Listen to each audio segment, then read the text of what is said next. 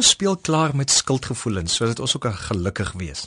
Ek wil met jou gesels oor skuldgevoelens en hoe dit jou van jou vryheid en lewensvreugde kan beroof. Behalwe as jy 'n psigopaat sonder verantwoordelikheidsgevoelens, het jy die een of ander tyd skuldig gevoel oor iets. Gewoonlik voel ons skuldig wanneer ons een of ander reël oortree het of ons het nie 'n positiewe waarde of morele standaard gevolg nie, maar dit oortree.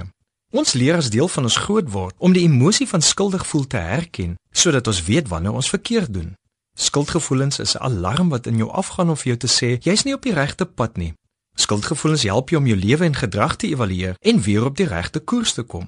En o ja, dit behoort jou te help om nie dieselfde foute te herhaal nie. Party mense probeer van hul skuldgevoelens ontslaa raak deur dit af te maak asof dit nie so 'n groot storie is nie.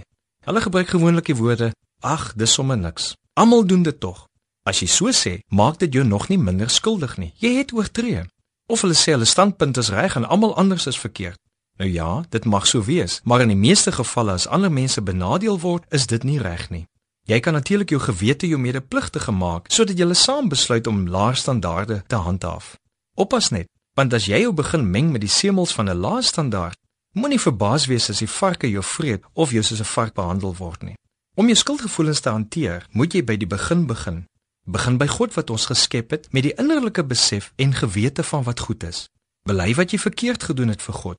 Moenie dink God verstaan nie. God verstaan so goed hoe sonde die mens kan verwoes. Hy het 'n plan gemaak. Daarom het Jesus in ons plek vir al die verkeerde dade gesterf.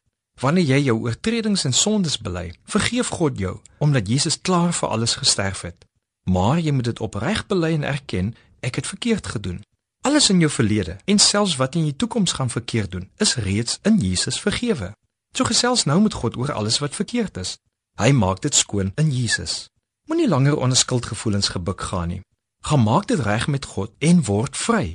Beleef hoe groot God se genade vir jou is. Skuld en skuldgevoelens het net een plek. Dis om dit vir God te gee. Hy reken daarmee af. Hy maak jou sondes krediet skoon. Hy maak jou skuldlas skoon. 1 Johannes 1 vers 9 sê: "Maar as ons ons sondes bely, hy's getrou en regverdig. Hy vergewe ons ons sondes en hy reinig ons van alle ongeregtigheid." Natuurlik is die volgende om vir die persoon of instansie teenoor wie jy oortree te erken en te sê: "Ek het 'n fout gemaak."